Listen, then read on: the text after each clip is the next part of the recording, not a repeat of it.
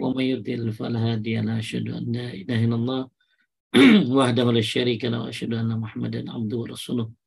اللهم صل على محمد وعلى آل محمد كما صليت على إبراهيم وعلى آل إبراهيم إنك حميد مجيد. اللهم بارك على محمد وعلى آل محمد كما باركت على إبراهيم وعلى آل إبراهيم إنك حميد مجيد. أما بعد فإن أصدق الحديث كتاب الله وخير الهدي هدي محمد صلى الله عليه وسلم. syarrul umur muhdatsatuha wa kullu muhdatsatin bid'ah wa kullu bid'atin dhalalah wa kullu dhalalatin finnar. Alhamdulillah Bapak Ibu sekalian menekan Allah jumpa lagi dengan Rumah Dakwah UK. Semoga para pengurus Allah limpahkan amal jari ya. Semoga Amin. para pengurus Allah limpahkan amal-amal soleh yang mengalir dari sebab memperjuangkan agama ini lewat dakwah khususnya lewat dakwah tauhid kita lanjutkan kajian syarah kitab tauhid karya Ustadz Yazid bin Abdul Qadir Jawas sampai di bab 26 ya Kang ya. Saya akan share.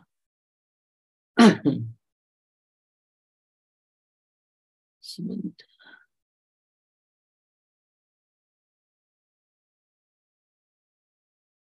Syarah Kitab Tauhid. Ini kitabnya, kelihatan kan? Jelas Ustaz, jelas. uh, masih di seputar uh, dukun ya. Kemarin kita bahas tentang tukang sihir, uh, hukuman-hukumannya. Bahkan kita sudah bahas ciri-ciri dukun kayak apa ya yang tidak ada di pembahasan kitab tapi ada di pembahasan dari ulama-ulama lain. Kita juga sudah bahas tentang bukan hanya ciri tapi tanda-tanda dukun. Dan ini ya memang harus dibahas ya. Hmm. Karena ada istilah malah kan sekarang ada istilah yang sudah lama bahkan populer ya.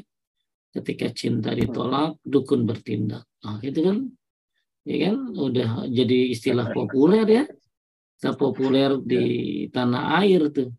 Jadi seolah-olah orang udah dekat sama dukun kan. Seolah-olah dukun itu sudah menjadi sebuah apa ya, sebuah uh, alternatif untuk menyelesaikan masalah. Maka sebosan apa pun orang belajar tentang dukun, tentang tauhid ya, nah ini harus dibahas ya nggak ada istilah dilengkapin karena memang uh, tauhid ini harus diulang-ulang, tauhid ini harus punya kesabaran dalam mempelajarinya. Ya kita berharap bukan hanya hatam tapi paham tentang tauhid. Bahkan di Indonesia ada istilah dukun putih ya. dukun ya ya white apa namanya dukun ya. Dukun tuh apa bahasa Inggrisnya? Harusnya witch kali ya. Oh, iya, kalau witch kan tukang sihir ya. Iya, iya. Uh, kalau dukun apa? Oh iya. Uh, jadi dukun putih nih ya. Jadi uh. dukun putih, ada dukun hitam, ada dukun putih. Jadi sebenarnya mau dinamain apa mereka ya? Menamain paranormal, namain orang pinter, guru spiritual, maka ujungnya ya sama-sama aja ya walaupun mereka katanya mengklaim mereka tuh membantu ya. Seperti katanya membantu mendapatkan kekasih dengan ilmu pelet membantu agar dagangan laris. Membantu agar naik jabatan. Membantu agar menurunkan hujan. Membantu menangkal santet. Menamal masa depan. Membantu peruntungan. Apalagi uh, di awal-awal tahunnya maka hmm. jangan tertipu ya, jangan tertipu kaum muslimin dengan istilah dukun putih ini. Ya, walaupun mereka mengatakan mereka membantu dan menolong. Kenapa? Ya, karena Nabi Shallallahu Alaihi Wasallam sudah menekankan ya uh, apa maksudnya bahwa Nabi itu Nabi sudah mengatakan untuk eh, setan-setan uh, itu apa suka membisikkan ya. Setan itu suka membisikkan kabar-kabar langit pada telinga para dukun. Ya. Uh, bahkan disebutkan seperti meniupkan angin ke botol-botol. Lalu setan itu pun menambah kabar tersebut dengan 100 kedustaan. Hadis riwayat Bukhari. Berarti di sini kan disebutkan ya fayaziduna ma'aha mi'ata kadzibah bahwa uh, apa setan-setan itu pun menambah kabar tersebut dengan 100 kedustaan. Jadi setan ini, ya, dukun ini senantiasa dibisiki, dibisiki oleh para setan. Setan itu TTM-nya, teman tapi mesranya dukunnya setan. Maka tidak ada alasan kita percaya kepada dukun. Karena dukun sumbernya dari setan. Dan setan ya menambah kabar-kabar itu dengan 100 kedustaan. Ya makanya dukun adalah tukang dusta karena dia mengambil berita dari si tukang dusta bahkan bukan satu kedustaannya seratus kedustaannya ya nah makanya jangan tertipu dengan istilah kita bukan dukun. Kita ini mau membantu ya. Oleh karena itu Bapak Ibu sekalian yang dimuliakan Allah Subhanahu wa taala Eh, kita bahas masalah ini agar agar apa? Agar agar kita selamat dari salah satu uh, musuh ya.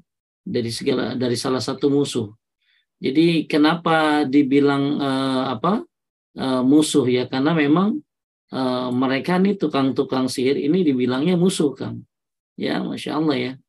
Di mereka ini bukan hanya sekedar apa seolah-olah sok tahu terhadap yang gaib tapi mereka bahkan disebut apa disebut setan dari kalangan manusia. Coba kita lihat ya. Ada kelihatan kan Kang hal unabbiukum ala man tanzilu syayatin tanzilu ala kulli afakin athim yulkuna sam'a wa aksaruhum kadhibun artinya kan Uh, artinya Bismillah. Apakah akan aku beritakan kepada kalian kepada siapa syaitan-syaitan itu turun? Mereka turun kepada tiap-tiap pendusta lagi banyak berbuat jahat atau buruk, para dukun dan tukang sihir. Tuh di sini mereka turun. Jadi setan-setan ini turun kepada siapa? Jadi kita kan benci sama setan, kita memerangi setan. Hmm. Maka kita juga memerangi anak buahnya, kaki tangannya ya maka kitab tauhid ini mengajarkan permusuhan yang sengit terhadap setan dan dukun karena ini adalah salah satu dukun ini antek-anteknya jadi setan ini turun kepada siapa? Kepada para pendusta. Siapa maksudnya para pendusta ini? Mereka orang-orang yang berbuat jahat. Lanjut setan. Uh, kok hilang? Eh, setan-setan tersebut menyampaikan berita yang mereka dengar dengan mencuri berita dari langit kepada para dukun dan tukang sihir. Dan kebanyakan mereka adalah para pendusta. Imam Kota ada? Imam Kota ada menjelaskan bahwa yang dimaksud dengan para pendusta lagi banyak berbuat jahat dan buruk adalah para dukun dan tukang sihir. Mereka itulah teman-teman dekat para setan yang mendapat berita yang dicuri para setan tersebut dari langit. Di sini disebutnya bukan hanya sekedar mereka ini disebutnya udah udah pakai label. Labelnya apa? Mereka ini turun kepada pendusta lagi banyak berbuat jahat. Ya, tanzilu ala kulli afakin athim. Jadi para dukun ini adalah mereka orang-orang yang berbuat jahat, pendusta. Ya, jadi mereka adalah kazab dan mereka adalah orang-orang yang berbuat jahat.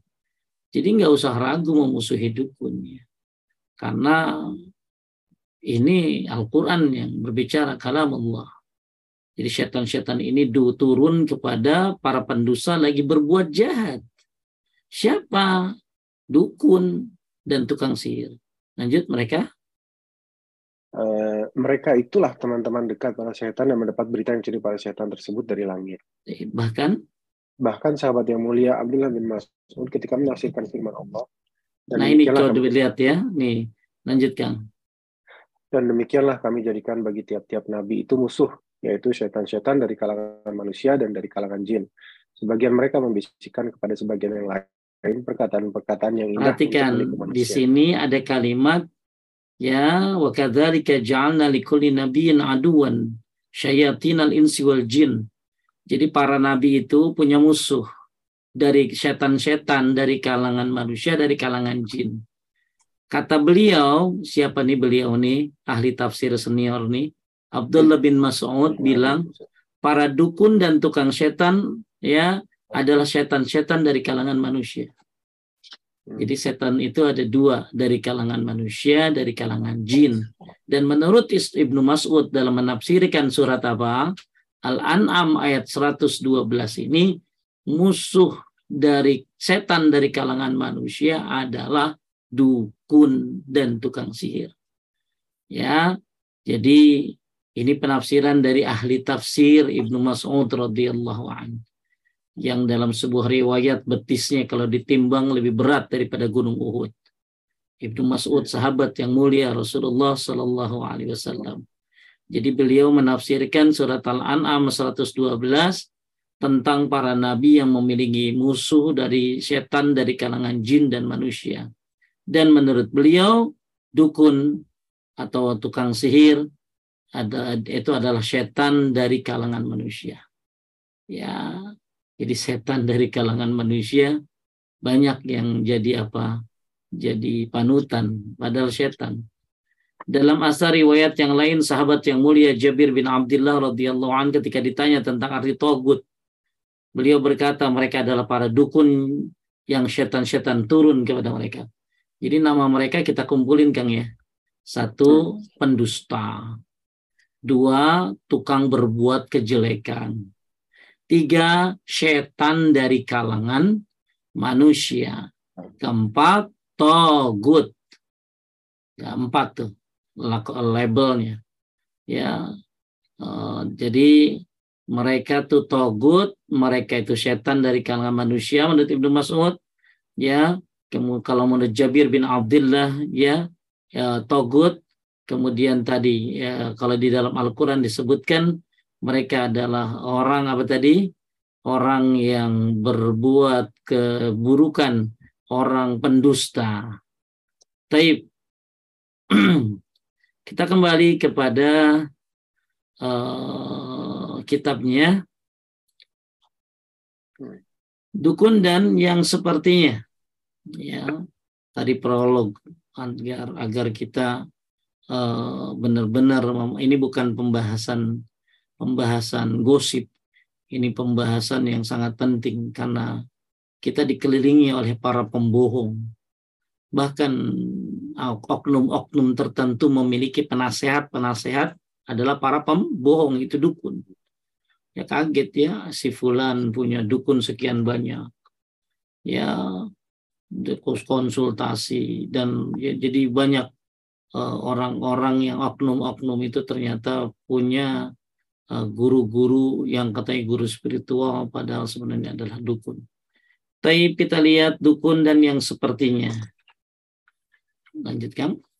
Ya, Imam Al-Khattabi rahimahullah menjelaskan, Al-Kahana, Al-Kuhan, para dukun itu adalah suatu kaum yang memiliki pikiran tajam, jiwa jelek, dan tabiat bersifat keapi-apian, sehingga setan suka kepada mereka karena ada kesesuaian dalam perkara-perkara ini dan juga setan-setan membantu mereka semaksimal mungkin. Jadi orang lebih kenal dukun kalau di Arab namanya kahin kan. Hmm. Ya makanya ada dukun Indonesia mereka menolak mereka bukan kahin kita dukun bukan kahin. ya, ya mereka kagak bisa bahasa Arab gitu ya. bahkan kata jadi kata Imam Al Baghawi ya bahkan al kahin adalah orang yang mengabarkan sesuatu yang terjadi di masa datang. Ada juga yang mengatakan kahin adalah yang mengabarkan apa yang tersembunyi dalam kalbu. Jadi kenapa dinamain kahin?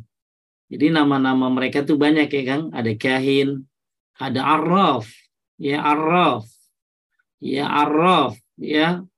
Kemudian ada lagi ramel, ya uh, apa karena mereka suka menggaris ya menggaris di pasir. Ramal itu kan artinya pasir kan. Jadi mereka suka suka garis, ya tahu gam uh, apa disebutnya ilmu ramal ya. ada lagi mereka disebut dengan munajim apa tuh munajim ahli nujum. Ada lagi mereka disebut dengan sahir. Apa tuh sahir tukang sihir ya. Jadi bapak ibu sekalian kan Allah eh, nama-nama dukun ini banyak ya cuman ada dukun Indonesia bilang bahkan dukun ada, ada pengacara dukun kan gitu. Oh, ada pengacara dukun ya. Jadi pengacara dukun. Terus mereka mengatakan kita bukan kahin, ya, tapi kita ini dukun beda katanya, ya. Ya, tadi kata Imam Al-Khattabi, ya, bahkan di sini unik nih kata Imam Al-Khattabi kan, ya, jiwanya jelek, bersifat keapi-apian, ya, makanya ada kesesuaian antara dukun sama setan. Ya, saya bilang TTM ya, teman tapi mesra. Ya, uh, setan, jadi bahkan setan membantu semaksimal mungkin. Taib al-kahana lanjut. Al-kahana atau perdukunan pada zaman jahiliyah sebelum Nabi Muhammad SAW diutus tersebar luas, khususnya di kalangan bangsa Arab karena kenabian terputus ketika itu. Tuh, jadi bangsa Arab dulu banyak dukun kan. hmm. ya, itu di Arab ya, apalagi di kita nggak tahu dah. Ya, uh, di kita banyak juga ya banyak juga jadi intinya eh, perdukunan ini sudah dikenal juga di zaman eh, bangsa jahiliyah ya zaman jahiliyah sebelum Nabi SAW di diutus kemudian ilmu perdukunan ada beberapa jenis. Yang pertama kabar yang mereka para dukun terima dari jin. Para jin mereka naik ke langit. Sebagaimana naik ke atas bagian yang lainnya sampai yang teratas mendekati ke langit. Sehingga bisa mendengar perkataan uh, tentang apa yang akan terjadi di bumi. Jadi mereka suka mendengar berita dari langit, mencuri berita dari langit. Kemudian yang teratas menyampaikan kepada yang di bawahnya, terus sampai yang paling bawah. Jadi mereka estafet ya Kang ya. Mereka tuh untuk ya. untuk ke sana kerja keras untuk mencuri berita dari langit itu kerja keras ya uh, ini semua semuanya juga tentang tentunya hikmah ada hikmahnya uh, tentunya ada ada ada tujuan Allah Subhanahu Wa Taala kenapa mereka bisa sampai uh, mencuri berita dari langit ini adalah ujian ya cobaan sebagaimana syaitan setan jadi Eh, mereka itu naik ke langit dengan estafet ya. Mereka nggak bisa langsung naik, mereka harus estafet. Nah kemudian kalau udah dapat beritanya disampaikanlah secara estafet. Eh, lalu mereka menambah-nambahi tadi berapa sampai berapa tadi? 100 kedustaan ya. Saat Islam datang, nah ini Kang perlu diperhatikan ya. Jadi itu terjadi ketika saat Islam datang dan Al-Quran diturunkan. Nah, Hmm. langit dijaga oleh para malaikat dan para setan dan mereka dilempar dengan bintang-bintang. Nah, jadi kan salah satu di apa bintang itu kan salah satunya adalah rujum syayatin untuk melempar setan. Jadi di zaman jahiliyah ya Kang ya, di zaman jahiliyah mereka tuh bisa apa? Bisa naik ke langit ya, de estafet lalu mencuri berita dari langit. Begitu Islam datang, dan Al-Quran diturunkan maka langit dijaga oleh para malaikat dari para syaitan ya. Adapun sebelum Islam datang sangat banyak para dukun yang tepat perkataannya. Namun setelah Islam datang maka sangat jarang bahkan hampir lenyap nah ini masya Allah ya Islam datang tuh sampai membuat para setan jadi tidak apa tidak bisa lagi uh, mencuri berita dari langit Taib ini uh, ilmu perdukunan yang pertama. Jadi mereka dapatnya dari mana sih? Ya mereka dapat berita berita tentang dunia ini ya dari dari dari apa dukun ini dapat berita tentang dunia ini ya dari dari jin ya dari jin yang naik ke langit. Kemudian nomor dua lanjut Nah, jin mengabarkan temannya, dukun, dengan sesuatu yang tidak dilihat orang lain. Dan manusia itu umumnya tidak mengetahui hal itu, misalnya barang hilang. atau yang diketahui oleh seorang yang dekat dengan hal kejadian tersebut, namun tidak diketahui oleh orang yang jauh. Taib ini yang kedua. Uh, jin mengabarkan temannya, ya, yaitu dukun uh, sesuatu yang tidak dilihat orang lain kan dia cepat Kang ya, dia juga punya sayap. Dalam sebuah riwayat mereka juga punya sayap ya. Kemudian uh, kalau ada barang hilang ya mereka suka bekerja sama sehingga akhirnya nama mereka tuh naik. Bahkan sekarang nama mereka naik ya para setan ini dengan diajak main film kan. Ya, ya, ya suster ngesot, beranak dalam kubur, ya. Apalagi beranak dalam kubur siapa bidannya itu? Terus apalagi tuh ya eh, film-film yang nggak masuk akal nih ya.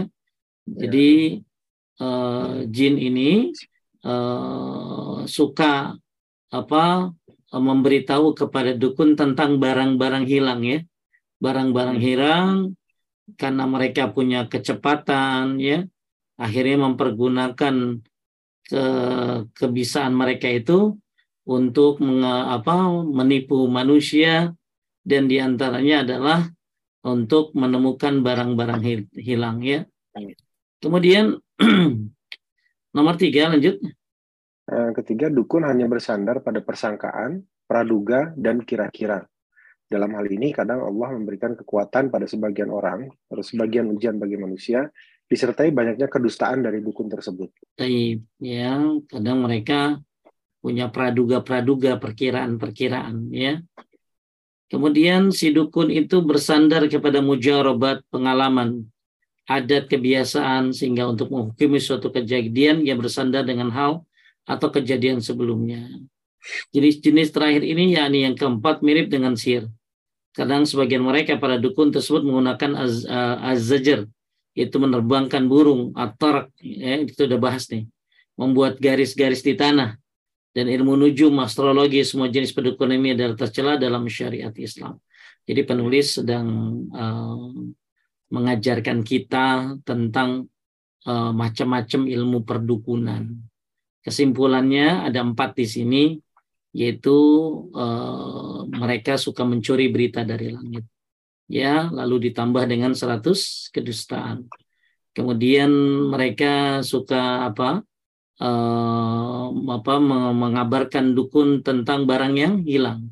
Ya, sehingga akhirnya orang kalau hilang barang ke situ aja, ya itu make mereka menggunakan jin untuk mencarinya. Bahkan sekarang ada ini yang jasa nemuin kucing. ya, jasa nemuin kucing. Kalau nemuin kucing pakai jasanya jasa bener ya nggak masalah ya. Ya, kayak sekarang kan kalau ada orang burung apa burung apa paruh bengkok gitu ya yang mahal sekali hilang tuh suka ada yang bantuin nyari dari grup-grup itu ya mereka kalau normal ya nggak masalah ya tapi kalau menemukan uh, barang dengan cara bantuan jin maka ini haram ya. Hmm. kemudian yang ketiga ya ada lagi dukun yang uh, apa melakukan prakteknya itu dengan persangkaan-persangkaan ya.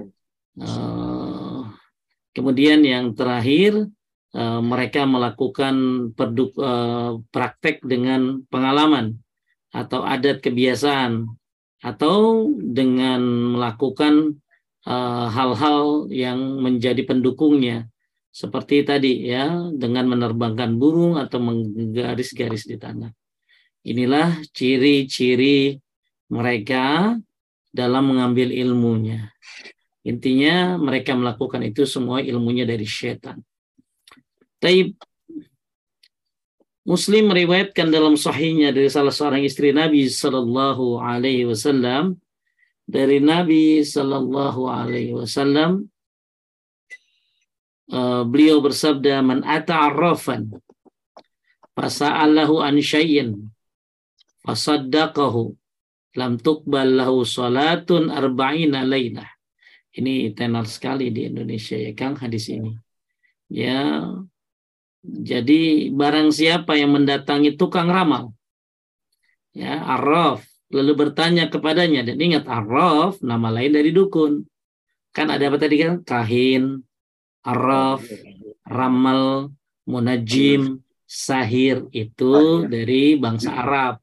Kalau dikata kita ditambahin lagi orang pinter, ya guru spiritual, uh, apalagi ya uh, belum uh, apa uh, apalagi kalau ditambahin dengan dikumpulin dari dunia ya Kang ya dari apa dari dari negara-negara seperti di UK apa dibilangnya ya tadi witch ya witch. atau apalagi di voodoo kalau voodoo mah ilmunya ya ya, ya atau apa clairvoyant ya.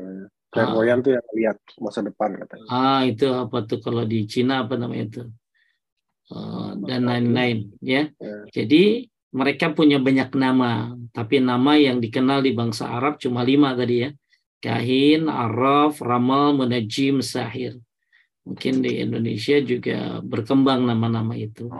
Nah, di sini disebutkan man rafan, siapa yang menjadi tukang ramal, mendatangi tukang ramal. Dan ingat tukang ramal berarti dukun, araf. Lalu bertanya fasalahu an syai'in, bertanya kepadanya tentang sesuatu. Ya, bertanya kepadanya tentang sesuatu fasaddaqahu dan dia membenarkannya.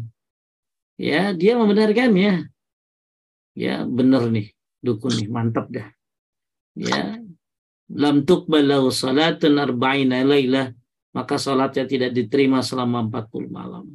Kita lihat syarahnya. Lanjutkan, Zahir.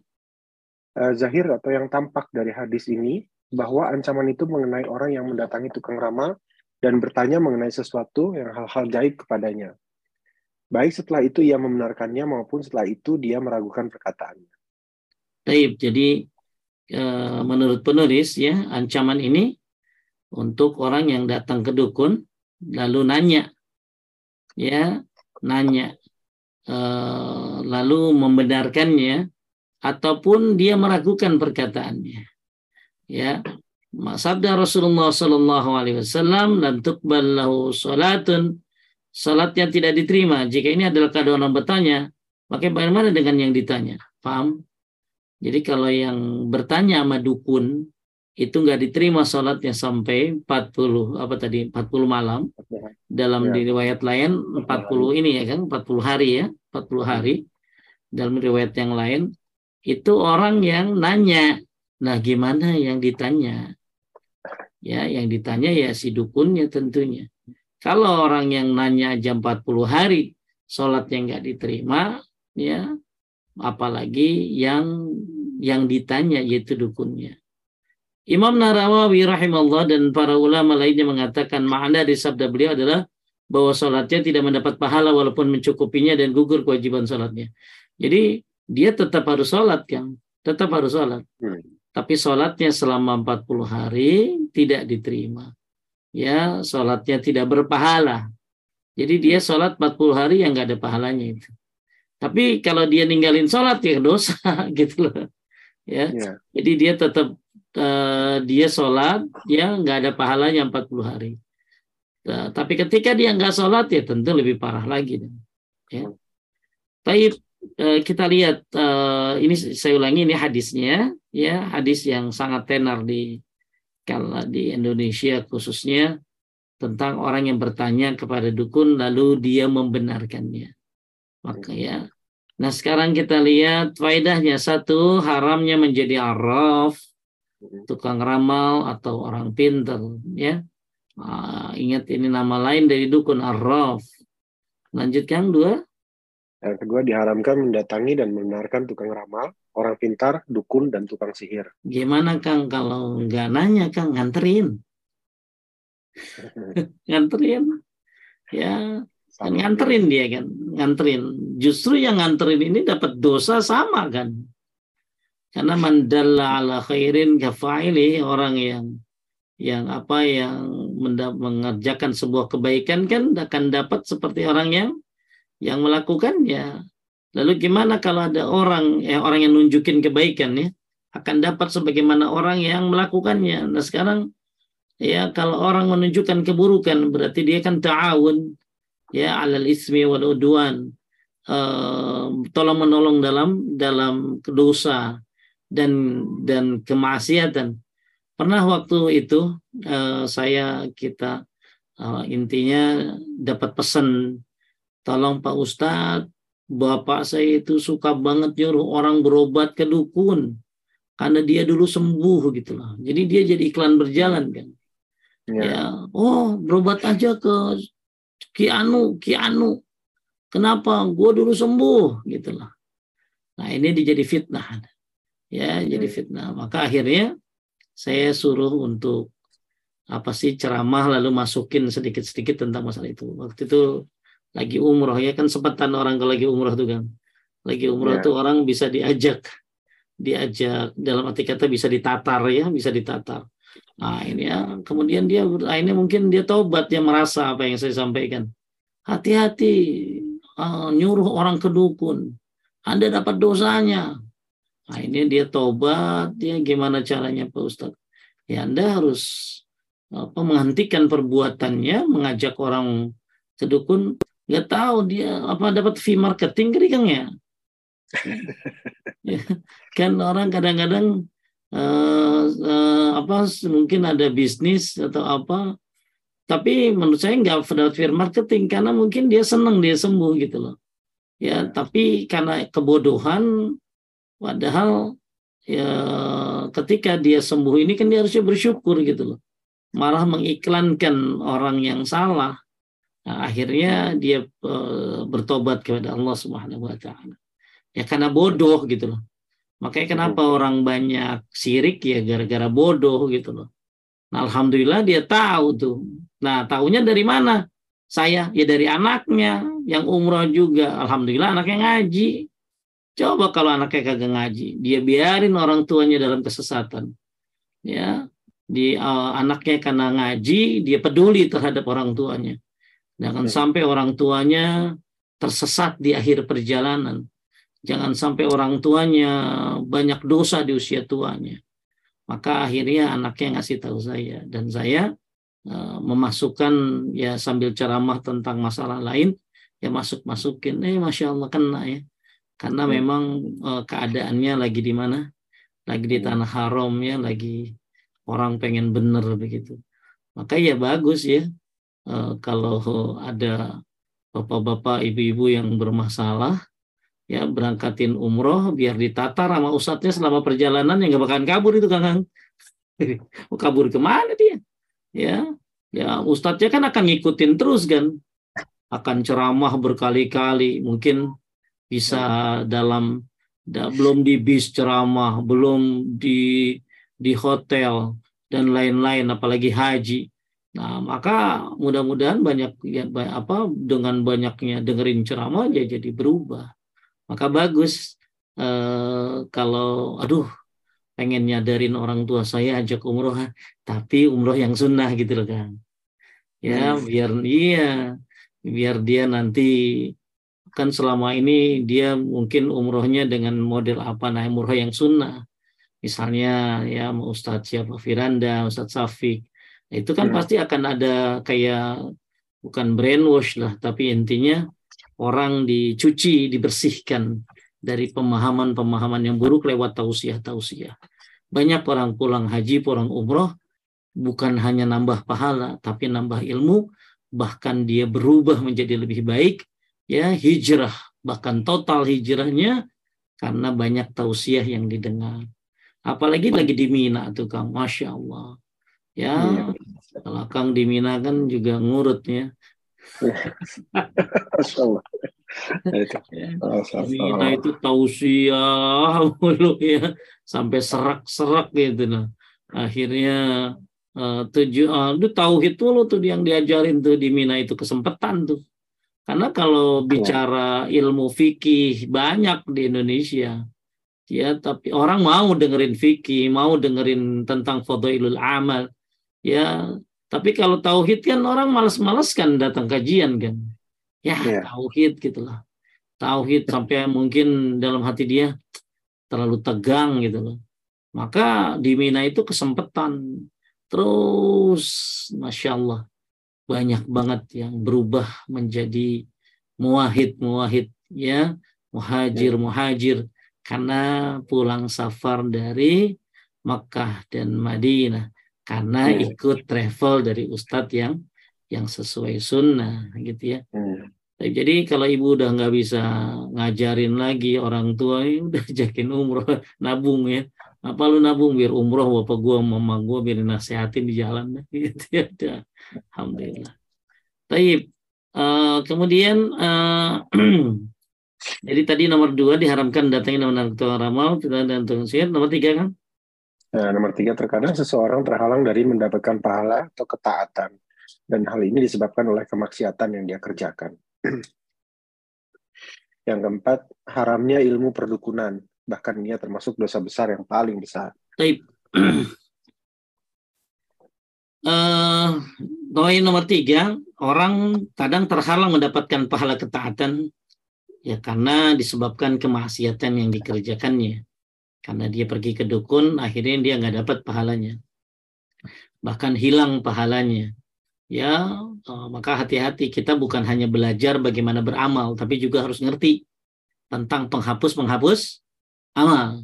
Ya kafir syirik murtad ya ria durhaka sama orang tua memelihara anjing ridho dengan pembunuhan kaum muslimin datang ke dukun kemudian uh, apa uh, istri yang durhaka kepada suaminya. Banyak belakang tuh apa uh, sedekah sambil disebut-sebut. Jadi ingat kita banyak beramal bagus tapi kita juga harus tahu apa penghapus-penghapus amal gitu. Jangan sampai di akhirat kepedean merasa amalnya banyak ternyata amalnya kosong. Karena amalnya banyak hilang dengan sebab-sebab kemaksiatannya jadi nomor tiga ini bagus nih. Ya, jadi terkadang orang nggak mendapatkan pahala dari ketaatannya karena disebabkan kemaksiatan yang dia ker kerjakan. Di antaranya adalah banyak ya. Salah satunya adalah ini uh, datang ke datang ke dukun. Kemudian haramnya perdukunan insya Allah. Udah benar ini semuanya. Mudah-mudahan kita semuanya bisa memahami bahwa dukun bukan nama lainnya juga adalah tukang ramal atau hmm. orang pinter ya kalau bahasa Arabnya arrof. Terus tadi ya jangan lupa ya belajar beramal bagus tapi juga harus tahu penghapus penghapus amal ya. Taib kemudian an Abi Hurairah radhiyallahu anhu anna Nabi sallallahu alaihi wasallam qala man ata kahinan fasaddaqahu bima yakul Fakat kafar. Oh ya saya lupa tentang masalah gimana kalau dia nggak percaya Kang tetap dapat nggak diterima sholatnya kan. Hmm. Ya jadi e, kalau ada orang percaya atau nggak percaya, jadi yang udah ulama berpendapat mau dia datang ke dukun percaya atau tidak percaya dengan apa yang dikatakan dukun nggak diterima sholatnya. Hmm. Ya nggak diterima sholatnya. Bahkan Syekh Alu Syekh menyebutkan orang yang nggak datang ke dukun kan tapi dia buka website. Niat ya. Pengen ngeliat oh, iya, ya. pengen ngeliat uh, ramalan bintang dia. Emang niat gitu loh ya. Maka dia juga termasuk orang yang kena dari hukuman 40 hari sholatnya tidak diterima. Ya maka hmm. hati-hati. Kalau kita kan kalau lagi mungkin ya kalau kita lagi buka Instagram, buka YouTube, kan ada aja yang masuk.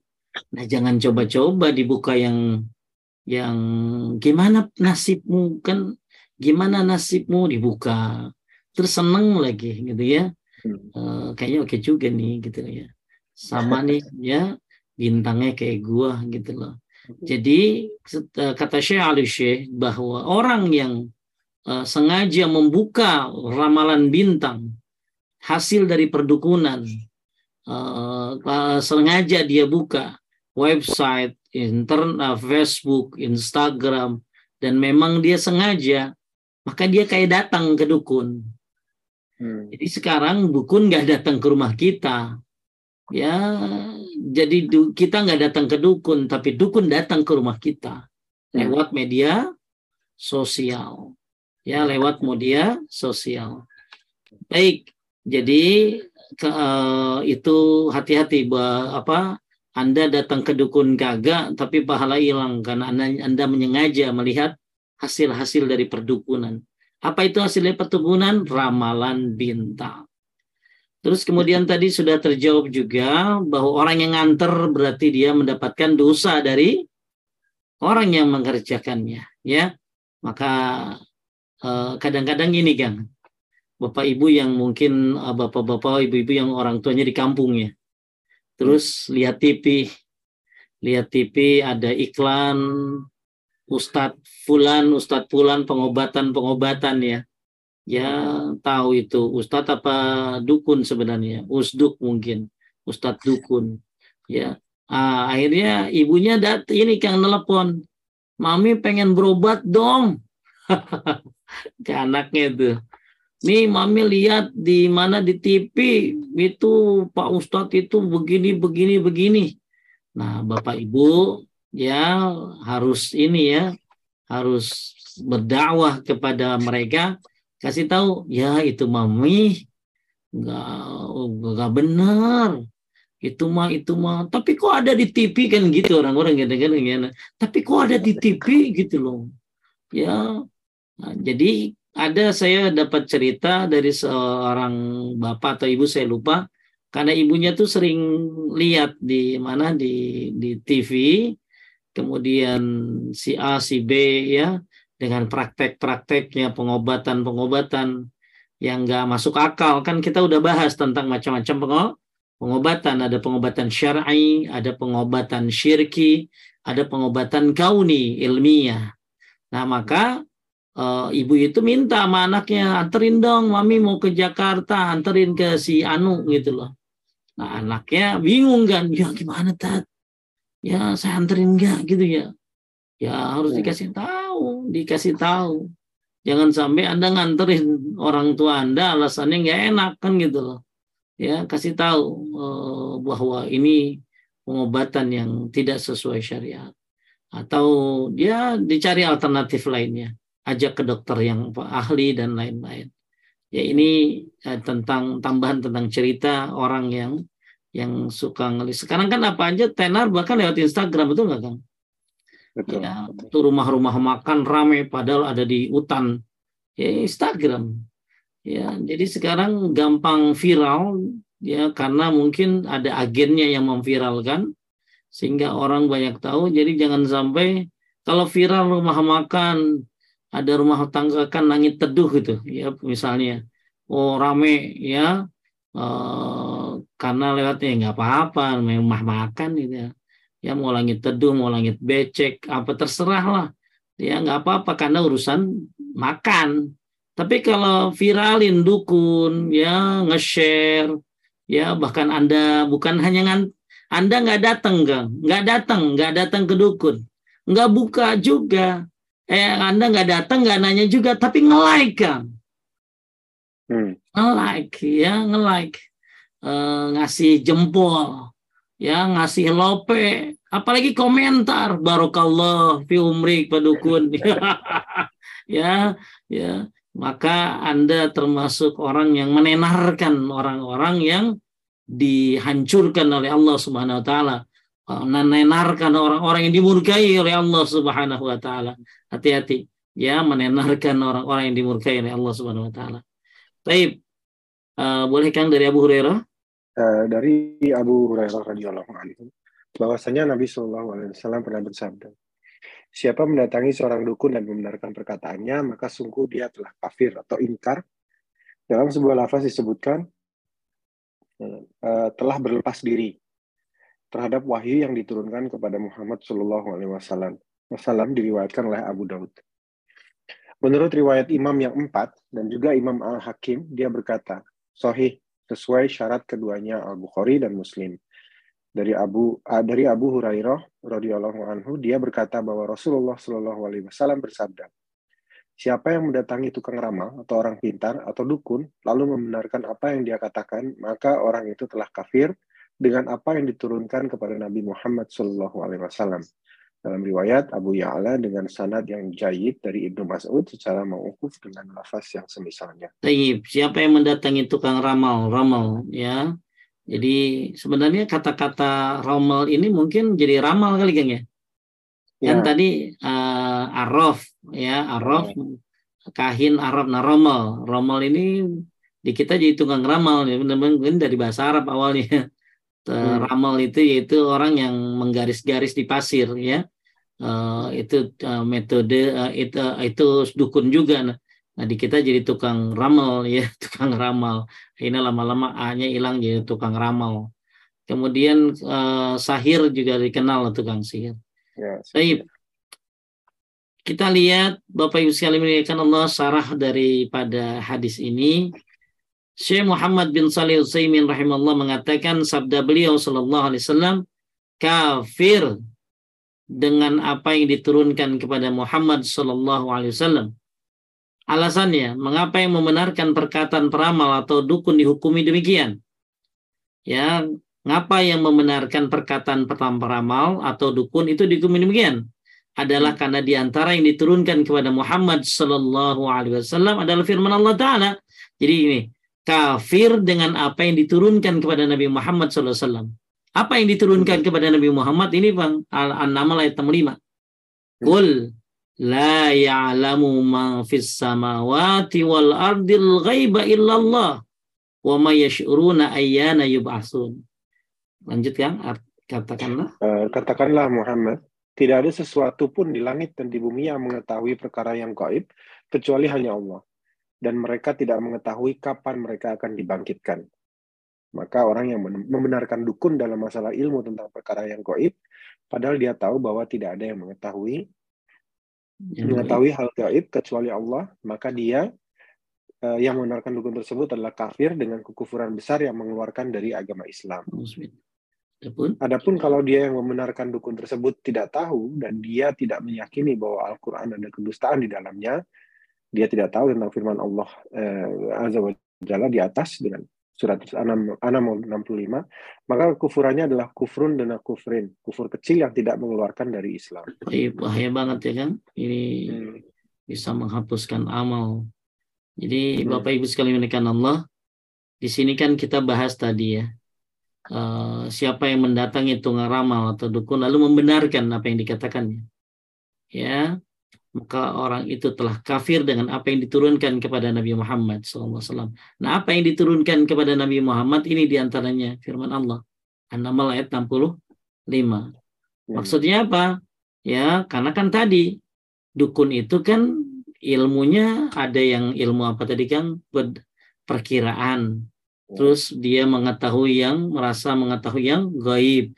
Kemudian tadi juga kita sudah bahas uh, apa banyak modelnya dukun-dukun itu ya banyak modelnya dukun-dukun itu nah salah satu modelnya mereka adalah uh, seperti orang yang mengetahui yang gaib padahal An-Naml 65 nggak ada yang tahu tahu yang gaib kecuali Allah Subhanahu wa taala. Jadi kenapa? Jadi bahaya udah datang membenarkan. Datang membenarkan. Jadi kalau nggak membenarkan kan nggak diterima sholatnya. Hmm. Kalau nggak membenarkan, ya nggak ada yang kagak cocok gua mendukun itu, masa? Ya itu ya, ya kagak pas dah gua mah, kagak kagak settle gua sama dia mah, ya kagak gaul dukunnya. Ya maka orang yang datang lalu tidak setuju dengan perkiraan-perkiraan ramalan dari dukunnya, maka nggak diterima sholatnya sampai 40 hari, ya. Hmm. Uh, tidak berpahala sholatnya. Tapi yang berbahaya adalah ketika dia uh, apa uh, dia membenarkan dia membenarkan perkataan. Apalagi Kang, kalau menurut saya sulit kalau kalau tidak membenarkan kan. Karena dukun itu kan bekerja sama sama jin. Khususnya jin korin kita, Kang. Hmm. Dan jin hmm. korin kita kan ngerti kita ngapain tiap hari, ya kan? Iya ya masuk Kang Rosid, Ush, kok tahu nama gue ya? Padahal kan Kang Rosid, ya kan padahal Kang Rosid udah daftar tadi di depan itu ya. Ya, ya terus ya misalnya Bapak Ibu ya Uh, dat jadi jangan heran kalau dukun suka tahu nama ibu bukan hanya karena ibu daftar tapi jin korin itu udah datang duluan katanya kan kan korin kan jahat ya kita kan semua manusia ini punya setan yang menyertai kita. Yang kita hmm. lahir, dia juga lahir, namanya Karin. Ya, jadi setan eh, kita lahir, Korin juga lahir. Dan Korin itu memang kerjanya tiap hari ya godain kita aja. Salah satunya bikin males. Ya, males sholat, males itu kerjaan Korin itu dan dia nggak akan pergi kang. Dia kerjaan kalau kang baca dalam tafsir Ibnu Katsir di surat An-Nas ya dia kerjaannya itu kalau kita lagi taat dia menjauh aja kang. Hmm. eh, sekarang lagi pada menjauh nih. Udah ngaji lama amat orang. Ngaji lama amat itu orangnya udah orangnya. Ya. Ya, jadi dia tuh menjauh gitu loh menjauh. Ya menjauh tapi begitu kita lagi lalai baru dia dekat. Gitu loh. Makanya kerjaan dia tarik mundur tarik mundur gitu loh. Dan dia nggak nggak nggak nggak apa sih nggak pergi gang ya karena memang korin korin itu kan ya pendamping. Makanya Allah berfirman wa may ya'shu an zikrir rahman nuqayyid lahu syaitanan fahuwa lahu qarin. Wa may ya'shu an zikrir rahman siapa yang lalai dari Al-Qur'an maka akan ada setan sebagai pendampingnya. Makanya kita disuruh baca Quran itu bukan bukan hanya untuk pahala ya banyak kan. Sampai Syekh. Muhammad Fawaz itu bikin tulisan 15 niat baca Quran kan. Ya, baca Quran tuh pakai niat biar dapat syafaat, biar dapat hidayah, bersih hati. Bahkan 16 apa? Biar apa?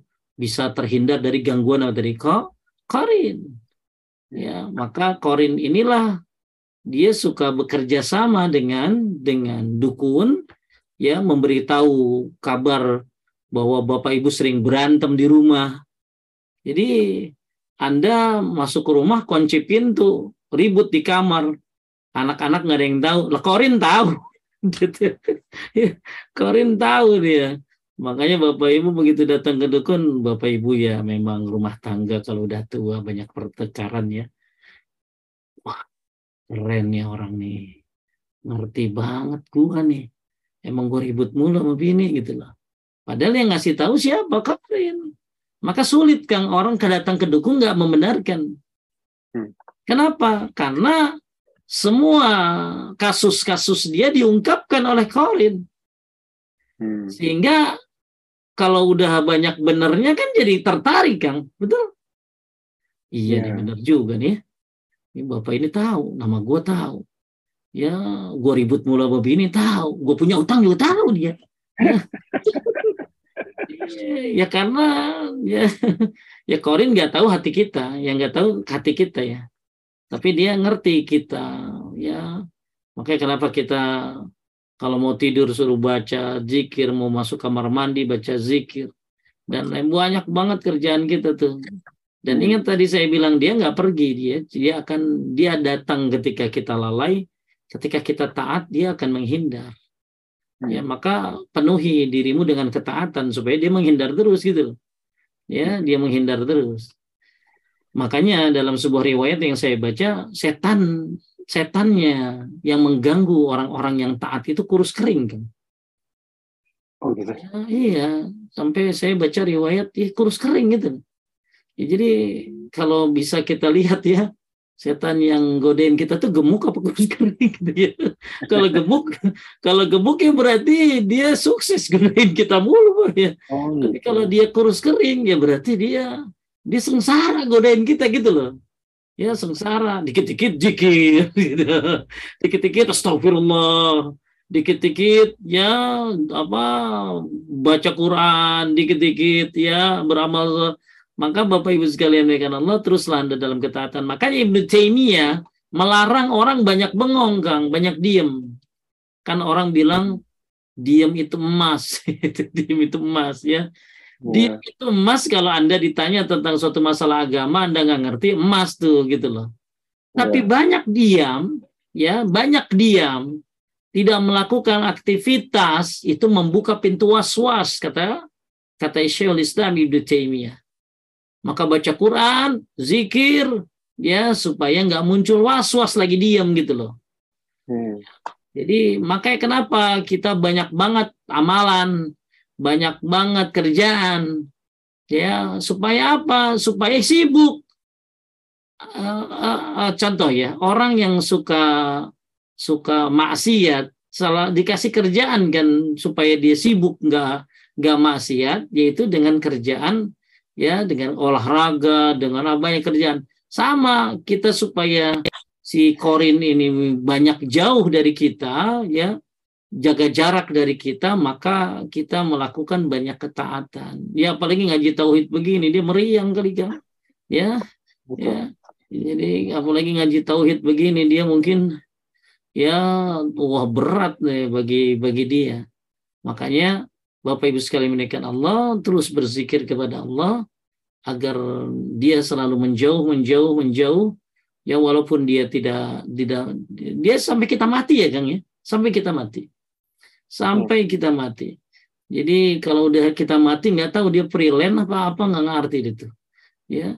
Jadi sampai kita mati dia akan terus korin ini uh, mengikuti kita mengikuti kita keseharian seharian kita. Ya oleh karena itu Bapak Ibu sekali menekan Allah. Ya bahkan yang lebih parah ada satu doa tentang kita disuruh doa Allahumma inni a'udzubika an yatahabbatani syaitan indal maut. Aku berlindung kepada Allah dari setan yang menggodaku di saat sakaratul maut. Ya, ada ulama yang menyebutkan ketika kita mau meninggal itu setan akan kerjasama Kang menyesatkan. Setan akan bekerja sama sampai bilang begini katanya. Ya, kalau kamu tidak bisa menyesatkan dia, kamu akan tidak akan bisa menyesatkan sampai kapan pun. Karena kan kalau udah mati selamat berarti. Nggak bisa disesatin lagi. Tapi di Bapak Ibu sekali menaikkan Allah, terus banyak berzikir dan ibadah. Jadi Korin ini suka bekerja sama dengan dukun. Maka akan sulit Bapak Ibu tidak percaya dengan dukun karena Anda akan diungkapkan hal-hal yang benar sesuai kebiasaan Anda. Nah dukun itu dapat berita dari kau dari Karin. Oh. Ya, makanya Anda akhirnya mantap nih. Keren dah, ya. Wah, cocok dah gue nih, ya. Besti nih, ya. Baik, kita lanjut. Adapun kalau dia yang membenarkan dukun tersebut tidak tahu dan tidak meyakini bahwa Al-Quran ada kedustaan di dalamnya, ya, uh, dia tidak tahu tentang firman Allah maksudnya. Maksudnya dia tidak tahu kalau di surat An-Naml ayat 65 ini tentang yang mengetahui yang gaib itu hanya Allah, maka hmm. dia kufurnya kufur kecil, tidak mengeluarkan dari Islam. Tapi kalau dia sudah dia uh, apa membenarkan, ya maka hati-hati membenarkan dukun ini, karena hmm. bisa masuk ke dalam kekufuran dan kufur ini kufur besar ya kan ya, kufur besar. Maka hati karena oh ya Allah ya Rahman. Ini, ini uh, kasihan ya orang-orang yang masih aja kerjaannya kedukun dikit-dikit, kedukun dikit-dikit ini bahaya. Lanjut. Kita bisa ke bawah ini. Faidah. Ya, faedahnya yang pertama, al-kahanah atau ilmu perdukunan adalah syirik. Karena di dalamnya terdapat pengakuan menjadi sekutu bagi Allah eh, Ta'ala dalam ilmu gaib. Seperti hal-hal yang akan terjadi di masa datang dan sebagainya. Nah, ini bertolak belakang dengan apa tadi, Kang? Surat apa tadi? Ah, ini, ini. Ayo Al-Namal 65. 65. Ya? Baik, lanjut nomor dua. Uh, yang kedua, hadis ini berisi dalil atas kufurnya dukun dan tukang sihir karena mereka mengklaim mengetahui hal goib. Uh, wajibnya mendustakan para dukun dan ahli nujum. Uh, haramnya mendatangi, bertanya, dan membenarkan dukun, paranormal, dan orang pintar. Jadi mendatangi, mendatangi, bertanya nggak nggak nggak membenarkan dia nggak iya. diterima sholatnya. Tapi kalau sampai membenarkan ya maka ini bisa kafir. Lanjut. Ya. orang yang meyakini kebenaran dukun dan paranormal maka dia kafir dengan perincian yang sudah disebutkan. Tapi maksudnya perinciannya mana Kang? Dia uh, yang tadi sudah tahu belum an-namal 65 ini? Ya, ya? Nah, terus eh, jangan tertipu dengan tepatnya perkataan dukun dan paranormal pada sebagian perkara. Iya, kenapa tepat tadi karena satu suka dicuri berita dari langit gitu loh. Kemudian korin yang bisa ikut campur dalam masalah ini. Terus? Terus yang ketujuh, jangan tertipu dengan banyaknya orang yang mendatangi mereka, dukun dan paranormal, walau yang mendatangi termasuk orang yang berilmu atau terpelajar. Sampai saya lihat di YouTube, Kang, uh, para dukun ini katanya membantu mengusir penjajah. Oh iya, betul. Saya dengar juga. ya, membantu mengusir penjajah gitu. Ya. Nah, ini ya. Uh, jadi ini ini, ini akal-akalan mereka ya. Uh, jadi walau jadi walau Anda lihat yang datang itu pejabat fulan oknum ya kok dia datang ya jangan jangan tertipu dengan banyaknya orang yang mendatangi walaupun yang datang itu orang-orang besar dan orang yang terpelajar. Kemudian uh, yang kedelapan hadis ini di antara eh, di an, hadis ini di antara dalil ahlus sunnah wal jamaah bahwa Al-Quran adalah kalamullah atau firman atau perkataan Allah diturunkan dari Allah dan bukan makhluk. Taib Al-Quran bukan makhluk, Al-Quran kalamullah. Kemudian hadis yang selanjutnya dari Imran bin Husain radhiyallahu an secara marfu laisa minna man tatayyara au tutayyara lahu au takahana au tukahina lahu. Habis waktunya kan? Ada yang nanya nggak? Uh, ada udah banyak Ustaz pertanyaan. Ada. Coba pertanyaan dulu deh. Ya, pertanyaan dulu. Ternyata masih banyak. Ya. Iya panjang. Tapi bisa. Jadi eh, kita ini ya. Sebelum ini mungkin saya tanya dulu nih Ustaz, kalau misalnya ada orang yang mendatangi seseorang ya, mendatangin saya gitu bilang, wah antum ini begini begini begini gitu, tanpa saya minta, tanpa saya ketemu di jalan gitu, wah kamu kayaknya gini deh gitu, kayaknya kamu hoki nih orangnya nih bawa hoki gitu, gitu gimana tadi? Nggak didimin aja ya jadi nggak moga-moga nggak kena apa-apa nih Ustaz. Jadi gini maksudnya kadang-kadang ada orang yang emang kita harus dakwah ya dakwah bahkan kalau apalagi itu teman kita bahkan ulama salaf ketika kita membiarkan teman kita salah lalu kita membiarkannya maka kita berkhianat terhadap pertemanan jadi ya ini gini kalau nggak bisa ngilangin semua ngilangin setengahnya ya Nah, mungkin kita bisa katakan, lu kayaknya lagi hoki lu. Ya, Rizky mah kagak ketuker bro, gitu loh ya. Rizky mah kagak ketuker, ya. Uh, inti, alhamdulillah, alhamdulillah bini amati tatimus solihat. Jadi kita ketika ketika ada orang yang, wih lalu bro, ya kayaknya lagi hoki lu, atau kayaknya Dewi siapa sih namanya? Dewi Fortuna. Dewi Hoki. Dewi apa Fortuna. Tuh? Dewi Fortuna. Eh, Fortuna, Fortuna ya. Dewi Fortuna sedang ya memeluk dirimu gitu ya. Ya, ya kita katakan ya la haula quwata illa billah. Rizki sudah diatur, Bro. Ya, alhamdulillah. Ya, Allah kasih nikmat. Bahkan bagus kita ngintipin aja. Bilang gini ya, Haza min fadli rabbi. Alhamdulillah haza min fadli rabbi. Gitu kan bilang. Alhamdulillah haza min fadli rabbi. Ya, ini apa? Ini adalah keutamaan yang Allah berikan kepada seorang hamba. Jadi kita lagi dikasih titipan, lagi dikasih keutamaan. Ya, hmm. jangan Wih lalu, oke oke ya gitu dah. Namanya juga rizki anak soleh. Itu salah lagi tuh bikin kamu gitu. Kan ada orang sih rizki anak soleh dapat parkir aja sampai ngomong begitu orang. Betul, betul, ya. betul. Wah, gue tadi dapat cepet parkir cepet dah. Ya, rezeki anak soleh gitu. Jangan. Ya, itu itu perkataan ya. mentazkiyah diri gitu ya. Jadi jangan ya. Alhamdulillah tadi dapat parkir cepet gitu. Dikatakan ketika ada orang yang memuji kita, kita dapat keburu uh, mungkin bilang kita uh, puji kita ya, katakan alhamdulillah ada min rabbi. Ya. Ya, atau alhamdulillah bin amatihi tetimus salihat. Jadi Baik. Bapak Ibu hmm, jangan diem aja ya dakwah. Ya kagak ada hoki-hokian bro ya. Rezeki mana diatur ya gitu. Lanjut. Baik Ustaz. Ini saya lanjutkan ke pertanyaan uh, yang sudah dititipkan. Kalau ada yang mau tanya langsung silahkan resign. Baik, uh, Bismillah. Ini saya gabungkan, kami gabungkan tiga pertanyaan. Ustaz. Pertanyaan pertama, Assalamualaikum Ustaz, mohon bertanya, apakah orang yang bisa membaca aura wajah itu bersekutu dengan jin, itu yang pertama. Yang kedua, Uh, Pak Ustadz izin bertanya, bagaimana dengan orang yang tidak menyadari datang ke seorang Ustadz yang memberikan solusi dengan ayat-ayat Quran, tapi dia juga bisa menebak karakter seseorang. Apakah sholatnya orang tersebut tidak diterima? Lalu apabila orang itu bertaubat, apakah pahala sholatnya bisa kembali diterima Allah? Khair. Dan terakhir, Ustadz, kalau buka aura itu seorang Ustadz apakah termasuk dosa? Akhirnya yang mau buka aura tidak jadi karena takut dengan Allah. Tolong penjelasannya Ustaz. Di, situ aja ya Kang, itunya. Ya, Pertama, uh, apakah orang yang bisa baca aura wajah dengan jin? Jadi saya juga bingung yang dibaca tuh aura apa sih? Saya tahunya aurat gitu. Ini aura ini apa gitu loh. Aura ini oh ibu bakalan begini, bakalan begini. Ah ya. ini mah bisa jadi kembali kepada empat poin tadi yang kita pelajari. Ya, hmm. apa tuh empat poin Kang? Bahwa orang ini melakukan begitu tuh berdasarkan pengalaman. Jadi jadi kan gini nih.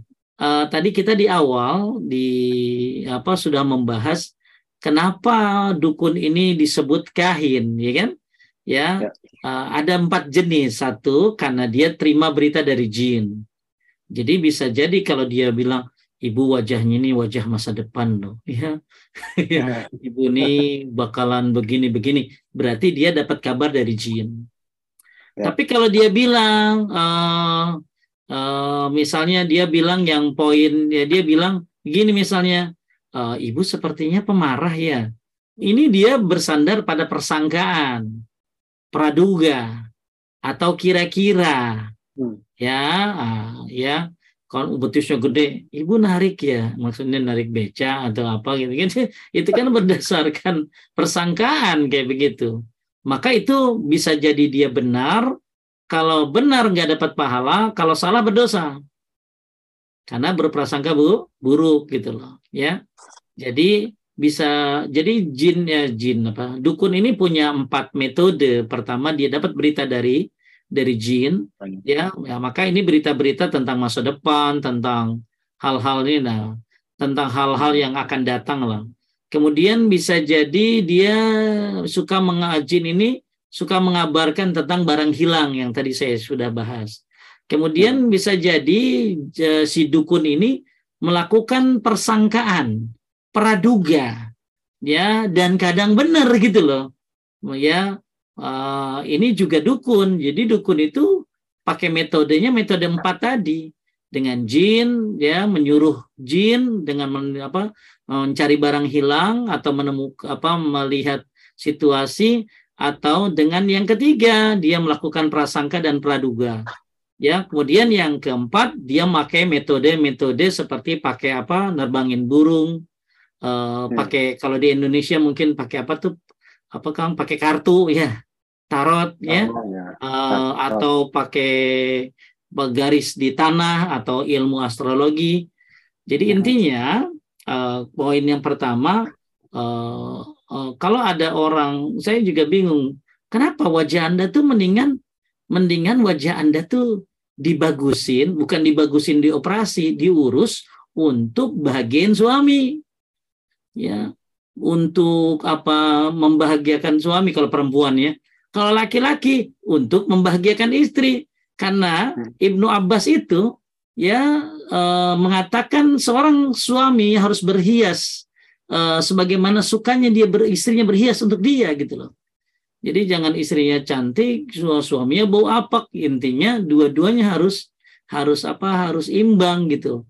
Jadi hmm. yang uh, jadi wajah itu ya diurus, dihilangin mungkin dengan hal yang normal ya, tidak dengan operasi plastik dan tidak, tapi dengan yang normal. Laki-laki juga sama, bukan buka auranya. Ya, uh, aura uh, uh, uh, apa uh, kalau mau ya wajah berseri itu disebutkan oleh Ibnu Abbas, wajah itu akan bersinar dengan apa? Banyak berbuat kebaikan. Banyak berbuat kebaikan itu membuat wajah berglowing Kang bahasa kita mah glowing ya gitu yang pertama jadi jangan suka buka-buka aura wajah ya buat apa sih ya? Mendingan wajahnya diurus gitu Kemudian uh, kalau dia datang ke ustadz lalu memberikan solusi dan ayat Quran, ya kemudian dia menebak karakter seseorang, berarti dia mencampur adukan. ya nggak boleh mempercampur uh, dia pakai Al-Qur'an tapi sesuai dengan sesuai dengan dengan apa dengan uh, apa menafsirkannya dia sesuai dengan dengan kebutuhan maka ini nggak boleh juga gitu loh. Jadi nebak-nebak itu nggak boleh itu kan hmm. ya, jadi saya apalagi yang bersifat buruk gitu ya bisa jadi dia benar kalau jadi ada perkara yang kalau dia benar nggak dapat pahala kalau salah dia dapat dosa. Ya hmm. benar dapat nggak dapat pahala salah dapat dosa itu tadi suuzon. Ya. Nah jadi termasuk metode metode tukang sihir itu dengan cara nebak-nebak perkiraan-perkiraan ini termasuk metode dia ya jadi eh, dan supaya laku gampang pakai ayat ya. ya kan ayat-ayat Quran ini masya Allah ya harusnya dimuliakan diagungkan malah dijadikan jual jadi jualan ya Taib. Kemudian uh, apakah sholatnya tidak tidak apa apa yang bertobat? Jadi kalau ibu datangnya nggak ngerti itu ustadz siapa nanya, makanya kalau mau nanya-nanya itu ya ke ustadz yang dikenal kesolehannya, akidahnya. Ya jangan ustadz yang asing. Ya itu lebih bagus. Kenapa? Karena anda tahu karakternya. Jadi hmm. mudah-mudahan Anda memang nggak ngerti ya dan bertobat kepada Allah, jangan ulangi belajar tauhid. Ya. Nah sekarang kalau ada orang tobat, Ustadz sudah datang ke dukun ya, terus dia tobat, maka tobat itu hanya menghilangkan siksanya kan. Hmm. Uh, sholatnya tetap tidak diterima sampai 40 hari itu. 40 hari. Ya, setahu saya itu. Jadi tobatnya hanya menghilangkan siksanya, azabnya. Ya ya maka ya hukuman harus diterima gitu loh harus diterima ya. Kemudian tiga uh, buka aura apa termasuk dosa itu tadi kurang kerjaan buka aura ibu ya uh, jadi uh, lebih baik ibu dia buka Al-Quran ya banyak beramal soleh banyak melakukan sholat malam agar wajahnya bersinar mudah urusannya Allah berikan pahala berlimpah. Baik, hmm. lanjut. Baik, ini uh, Mbak Tati uh, bertanya langsung. Silakan Mbak di unmute. Oke, Assalamualaikum. Assalamualaikum warahmatullahi wabarakatuh. Ya Mbak.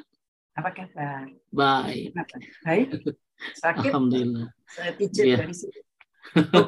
Nah, nah, itu totok aura pertanyaan itu. saya agak tricky kali ini. Ustaz, hmm. tadi kan membicarakan mengenai melempari setan ya, kalau ada bintang uh, shooting star, bintang uh, jatuh hmm. yang di langit kalau kita melihat. Hmm. Nah, saya itu bilang begitu kepada anak-anak saya, oh itu hanya uh, uh, setan sedang dilempari. Terus dia bilang, mami, tidak ada hubungan dengan begitu. Itu tanggal 3 dan tanggal 4 tempo hari itu, itu peaknya meteor shower. Karena saking banyaknya dinamakan shower. Nah, Sawa itu shooting star, Ustaz. Begitu banyaknya. Kalau kita keluar tanggal 3 dan 4 Januari kemarin itu, oh, gitu. kita melihat keadaan yang gelap, kita bisa melihat. Oh. Banyak sekali itu. Deh. Apalagi kalau kita di Norway, Swedia, Kanada, Finland, kan lebih jelas lagi. Uh, nah, ini uh, itu kan hanya sejumlah meteor melintasi dari langit dari titik-titik yang kira-kira sama, makanya terjadi begitu. Itu scientifically. Tapi kalau menurut Islam itu kan setan sedang sedang di uh, anu, dilempari itu. Memang ada piknya atau memang ada tanda-tanda bagaimana eh, eh, bagaimana kaitannya dengan uh, tauhid ini loh. Saya saya ingin taib, saya taib. ingin menjelaskan lebih. Taib, masya Allah pertanyaannya bagus banget. Jadi intinya gini, ada yang menyebutkan itu bukan bintangnya tapi cahayanya bunda, hmm. cahayanya cahayanya. Jadi bintangnya tetap di situ, tapi cahayanya yang yang hmm. yang yang membuat yang mengejar setannya itu cahayanya. Ada juga yang menafsirkannya ya secara utuh memang bintangnya gitu ya. Jadi uh, ada yang menafsirkan bukan bintangnya tapi cahayanya. Kemudian perlu diperhatikan juga bahwa uh, ketika ketika satu peristiwa misalnya ya misalnya uh, hujan ya uh, mendung ya mendung kemudian mendung ini kan lalu bisa jadi azab lalu bisa jadi rahmat ya misalnya bisa jadi azab sebagaimana kaum-kaum yang di, dihancurkan oleh oleh hujan, oleh mendung. Tapi ada mendung juga yang menjadi rahmat. Tapi ada juga mendung yang memang membuat tumbuh-tumbuh hujan turun lalu membuat pohon-pohonan tumbuh. Jadi bisa jadi satu kasus ya satu kasus secara umum ya eh, bintang dilempar itu eh, disebutkan itu kalau sudah ini Bunda itu sebelum Nabi sebelum Nabi jadi eh, sebelum Al-Qur'an turun Bunda. Jadi itu terjadi dulu zaman jahiliyah. Paham? Ya. Ya, jadi kan bintang tiga fungsinya. Satu, menunjuk jalan, penunjuk jalan. Dua, pelempar setan. Tiga, sebagai apa? Hiasan. Ya, sebagai hiasan. Jadi di uh, bahwa bintang ini uh, setan yang mencuri apa berita dari mana? Dari langit itu dilempar oleh cahaya bintang atau bintang itu terjadi sebelum Al-Qur'an turun. Berarti terjadinya zaman jahiliyah. Terjadi zaman jahiliyah. Nah kalau sekarang gimana gitu? Apakah masih berlaku Pak Ustadz? Ya, jadi ada yang menafsirkan itu terjadi pelemparan-pelemparan itu adalah ketika zaman apa tadi jahil jahiliyah, ya jangan jahiliyah. Nah kalau sekarang gimana Pak Ustadz? Ya bisa jadi mungkin masih terjadi, tapi bisa jadi kalau memang itu oh, meteor dan lain sebagainya bisa diterangkan secara ilmiah ya, ilmiah. Oh, memang ini sedang begini, begini, begini. Jadi bisa jadi tentang oh itu memang uh, secara secara ilmiah, uh, secara sains sedang terjadi ini sedang dan tentunya sains itu kembali juga kepada kekuasaan Allah Subhanahu wa taala. Jadi yang saya bisa jelaskan kepada Bu Tati ada yang mengatakan bahwa itu satu bukan bintangnya tapi apa tadi? Cahayanya. Yang kedua, bahwa itu ada yang menyatakan bahwa pelemparan setan itu terjadi di zaman apa tadi? Jahiliyah. Ya, sebelum Al-Qur'an itu sebelum Nabi Muhammad SAW ya diutus, sebelum Al-Qur'an diturunkan. Nah, setelah Al-Qur'an diturunkan maka dijaga, ya, dijaga. Dijaga langit itu oleh para para malaikat. Lebih jelasnya Bu Tati bisa baca surat Al-Jin ya di surat Al-Jin itu ada cerita banyak cerita tentang masalah jin. Di antaranya mereka tuh sampai kenapa? Kok nggak biasanya? gitu loh. Kejadian biasanya bisa naik ke atas jadi nggak bisa gitu loh. Karena ternyata Al-Quran atau Nabi Muhammad sudah diutus. Ya Al-Quran sudah diturunkan. Dan peristiwa tentang turunnya meteor dan lain sebagainya kalau memang bisa diterangkan secara saintis silakan. Tapi ingat semuanya kembali kepada kekuasaan Allah Subhanahu wa taala. Ya.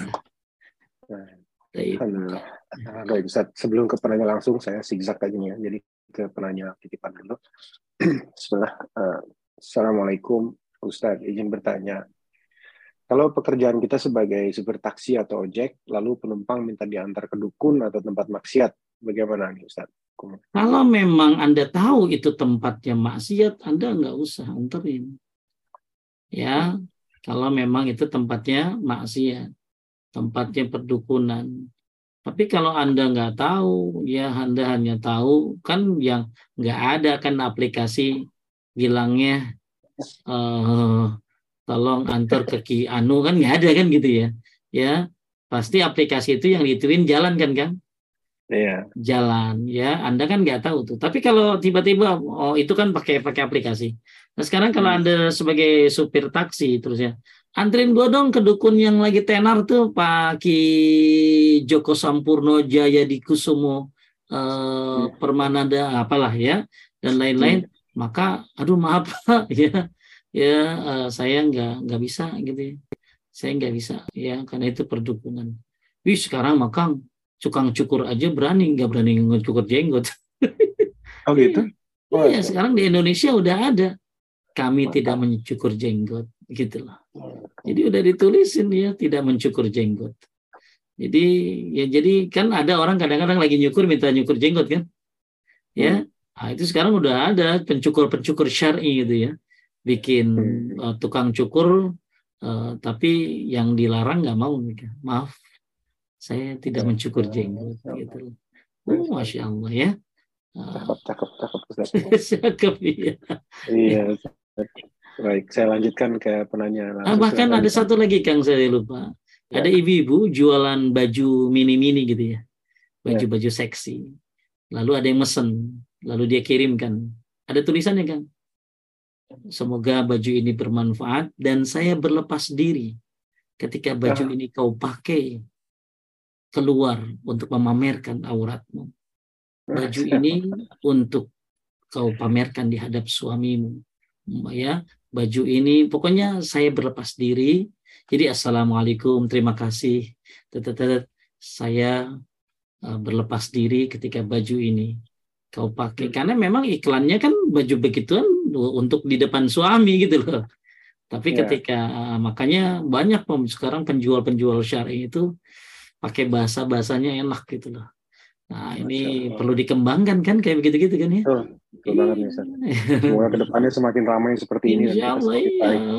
Pokoknya bahkan eh, apa ya, ya banyak lah mungkin kita baru temukan sedikit. Sebenarnya pasti banyak, pasti ya. banyak mereka sudah sudah bahkan ada satu rumah makan yang pakai pakai tangan kanan ya udah disebutin ya makan pakai oh. tangan kanan, bayar seikhlasnya. Oh gitu. seikhlasnya, ya. Wah menarik tuh. Sebenarnya bayar menarik. seikhlasnya kagak, kagak boleh ya. Kalau ke, itu ke, takutnya goror, takutnya rugi kan gitu ya. Rugi. Ya. Uh, tapi lanjut. Baik, baik. Ustaz. Ini ada yang mau nanya langsung. Mohon silakan di-unmute pertanyaannya satu aja ya insya Allah. To the point. Assalamualaikum. Waalaikumsalam warahmatullahi wabarakatuh.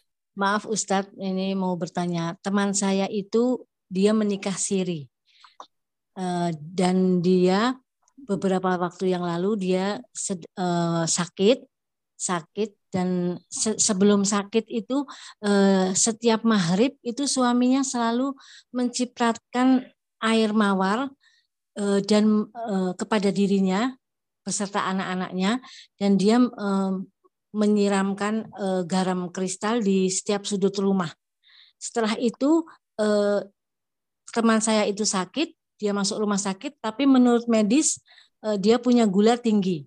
Setelah kembali ke rumah, suaminya itu meninggalkan dia,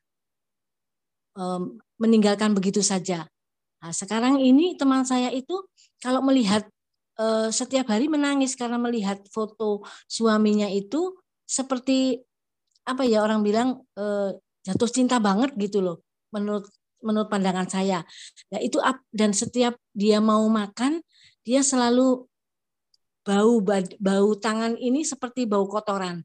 Apakah itu hmm. dari suaminya atau bisa kita lihat atau memang ada orang yang kena?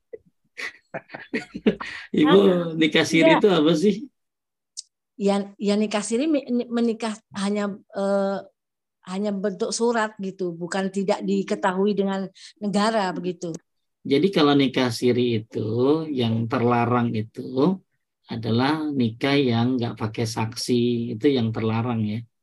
Ya, misalnya nggak ada walinya itu nikah siri yang terlarang. Tapi kalau nikahnya siri itu nggak ada rame-rame, ya nggak ada rame-rame itu makruh, ya makruh. Jadi orang kita tuh suka suka apa ya, suka salah paham tentang sikap siri. Cuman setahu saya kalau nikah siri di Indonesia itu nikah yang nggak pakai rame-rame, nggak diketahui oleh pihak pemerintah, tapi hmm. komplit wali dan lain-lainnya. Itu uh, makruh ya, makruh karena nggak rame-rame. Terus masalah seorang istri mencintai suaminya ya wajarlah ya. Wajar seorang suami mencintai istri seorang istri mencintai suami wajar. Tapi kemudian yang saya mau tanyakan nih masalahnya apa itu di tangannya bau tadi? Uh, indah jadi uh, yang mau ditanyain apa, apa ya? Ya yang yang dia cipratkan ke itu ke oh ke ya itu nggak boleh itu, karena nggak sesuai ya. syariat. Ya itu termasuk Eh, kalau jadi bunga mawar nggak apa kalau dia nyempratin minyak wangi ke pojok-pojok biar wangi boleh tapi kalau dia menyepratkan sesuatu dengan hal-hal yang tidak diperintahkan ya dan dia berkeyakinan ini bisa begini itu termasuk syirik. Ya. Oh, ya. Hmm. Ada lagi Bu? Cukup ya? Cukup, terima kasih. sama-sama. Semoga teman Ibu dikasih saran, banyakin baca Al-Baqarah di rumah, ya, banyakin zikir pagi sore, ya, banyakin uh, zikir habis sholat minimal supaya dimudahkan segala urusannya. Ya. Amin, ya. Ya, terima kasih Ustaz. Sama-sama. Alhamdulillah, semoga temannya ibu ini mendapatkan hidayah. Kita semua mendapatkan bantuan Allah Baik, Ustaz, ini saya lanjutkan. Itu yang pertama sudah terjawab tadi ya Ustaz. Ini yang kedua, eh, mengapa sihir dukun itu lebih banyak beroperasi saat malam hari Ustaz? Apakah ada rahasia atau sesuatu di balik eh, kegelapan atau malam hari? Kan ada di surat Al-Falaq ya Kang ya. Ya, kan kalau bil falak min syari mahalak min gawasikin itu wakaf.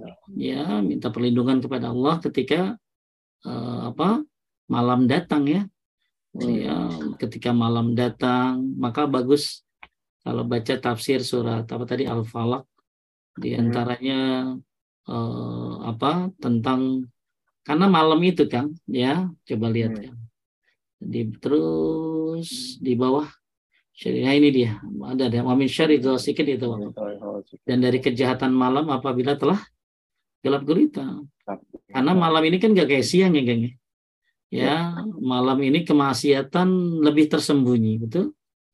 Malam ini, malam itu kejahatan begal jarang siang-siang, Kang, walaupun ada. Tapi kebanyakan terjadi pasti malam ya kemudian perampok perampok pencurian pun banyak terjadi malam. Makanya masya Allah ada satu doa yang bagus ya Kang ya. Cuman doanya agak panjang ya.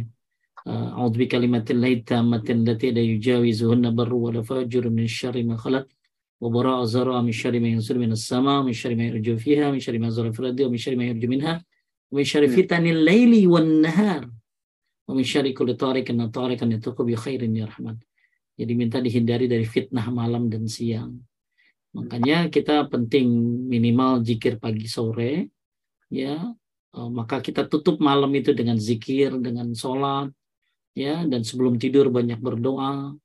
Maka kenapa kita disuruh tidur baca ayat kursi, kulhu, falak, anas, ya. Maka hmm. karena kejahatan-kejahatan malam itu uh, lebih kenceng bagi manusia, apalagi bagi jin, apalagi bagi setan. Ya, maka kita minta perlindungan kepada Allah. Maka kita disuruh niup kan kan? Tiup. Ya ya ada yang menyebutkan kenapa ditiup ya satu sunnah kedua ada yang bilang karena itu untuk membalas tiupan-tiupan setan tiupan-tiupan tukang sihir tukang sihir kan suka niup ya maka kita ya. balas dengan tiupan kulhu falak dan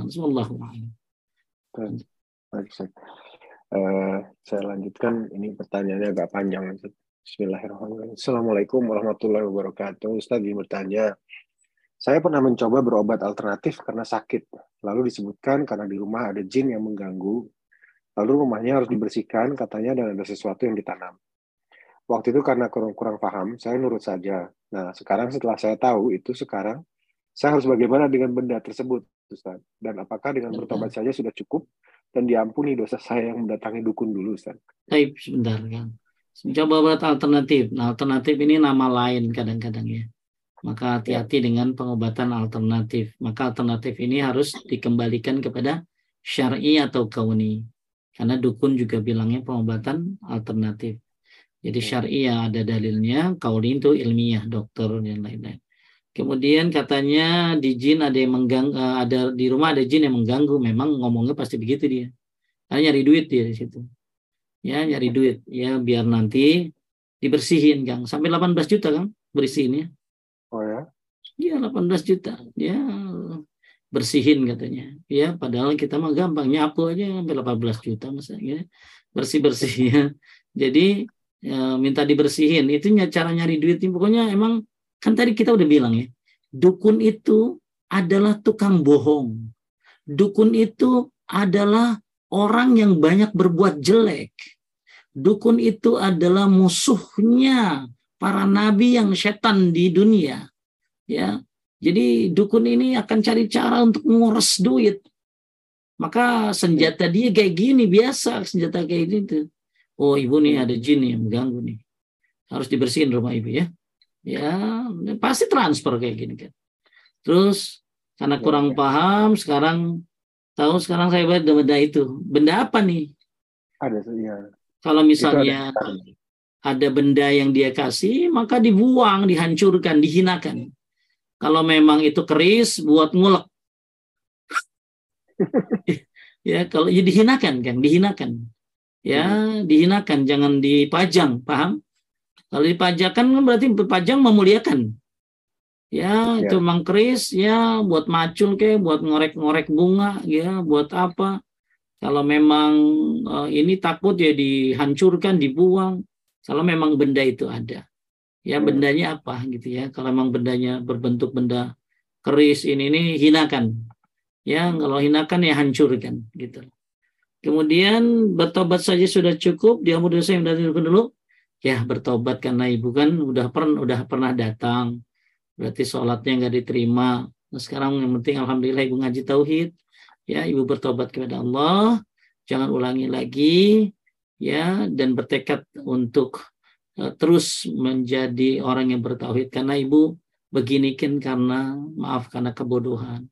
Ya, mudah-mudahan ibu bisa hijrah kafah, bisa belajar tauhid terus.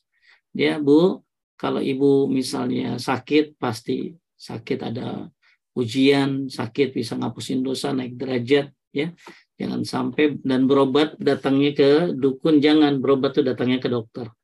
Ya, lanjut. Baik, uh, berikutnya ini pertanyaan di luar topik ini, Ustaz. Saya bacakan. Assalamualaikum, Ustaz. Uh, mohon bertanya, mohon tidak sesuai topik. Ayah saya wafat sebulan yang lalu, dan saya ingin mengajak ibu untuk tinggal dengan saya di UK, supaya saya bisa merawat beliau selama beberapa bulan, karena beliau sendirian di Jakarta.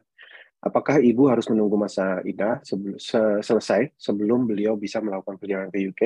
Betul. Sholat Idul Fitri aja nggak boleh kan orang yang idah itu. Hmm sampai sholat idul fitri aja nggak boleh apalagi ada ibu-ibu yang pergi umroh nggak boleh orang yang dalam masa idah itu di rumah saja tidak keluar kecuali darurat keperluan. Kalau memang dia harus masak harus beli apalagi sekarang bisa online ya. Jadi ya. menurut saya ya sabar dulu. Sampai ya saya juga sama kan pengen hmm. ibu saya saya juga kadang-kadang kan namanya pengen ngajak om mah umroh yuk mah eh kan hmm. lagi masa idah eh iya ya gitu ya. iya. Ya, jadi sampai-sampai yang idah itu ya lagi masa idah itu sholat idul fitri aja nggak boleh ya termasuk Imam Syukani ya, patuanya Syekh Saimin nggak boleh sholat idul fitri. Ya sholatnya ya udah di rumah aja. Ya di rumah aja. Apalagi ke UK gitu. Jadi sabar dulu.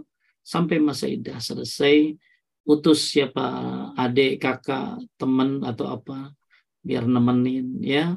Sekarang kontaknya pakai video call dulu pakai FaceTime dulu.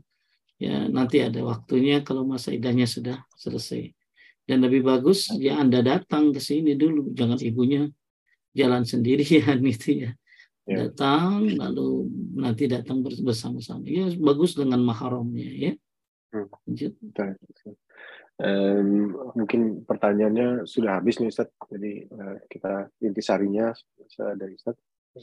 Baik Bapak Ibu sekalian dimuliakan Allah Subhanahu wa taala.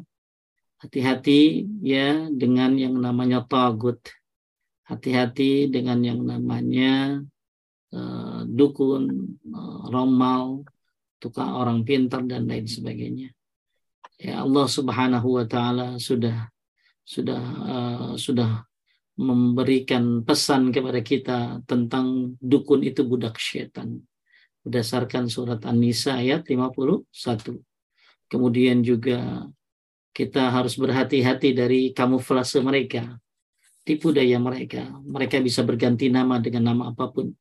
Mereka bisa berganti pakaian dengan pakaian seorang ustadz. Mereka bisa memberikan uh, apa pendapat-pendapat ini aura ini ini dan lain sebagainya maka kenapa ada orang yang banyak tertarik dengan dukun dengan munajim dengan gahim dengan romal dengan orang pintar karena kebodohan dalam masalah tauhid maka bodohnya dalam masalah tauhid menyebabkan anda rugi Di antaranya jatuh kepada kekufuran kalau sampai membenarkan dukun bahkan e, bisa tidak diterima sholatnya sampai 40 hari. Mungkin di antara kita pernah ada yang pernah melakukan itu kepada dukun, maka bertobatlah kepada Allah, jangan putus asa dari rahmat Allah, terus belajar tauhid, karena sebab seorang melakukan banyak kesalahan di antara yang pergi ke dukun ada karena kurang dalam ilmu tauhidnya. Semoga ini jadi amal jariah buat majlis taklim rumah dakwah UK insyaallah. Kita tutup dengan doa kifaratul majlis. Subhanakallahumma bihamdika asyhadu an la ilaha illa anta astaghfiruka wa atubu. Terima kasih Kang Rashid dan tim semuanya. Barakallahu fikum. Assalamualaikum warahmatullahi wabarakatuh. Waalaikumsalam warahmatullahi wabarakatuh. Jazakallah khair Ustaz uh, atas ilmunya uh, malam ini. Insya Allah uh, YouTube-nya sudah naik, uh, podcast insya Allah nanti Senin akan naik Eh, bisa disimak kembali kajian-kajian berikutnya.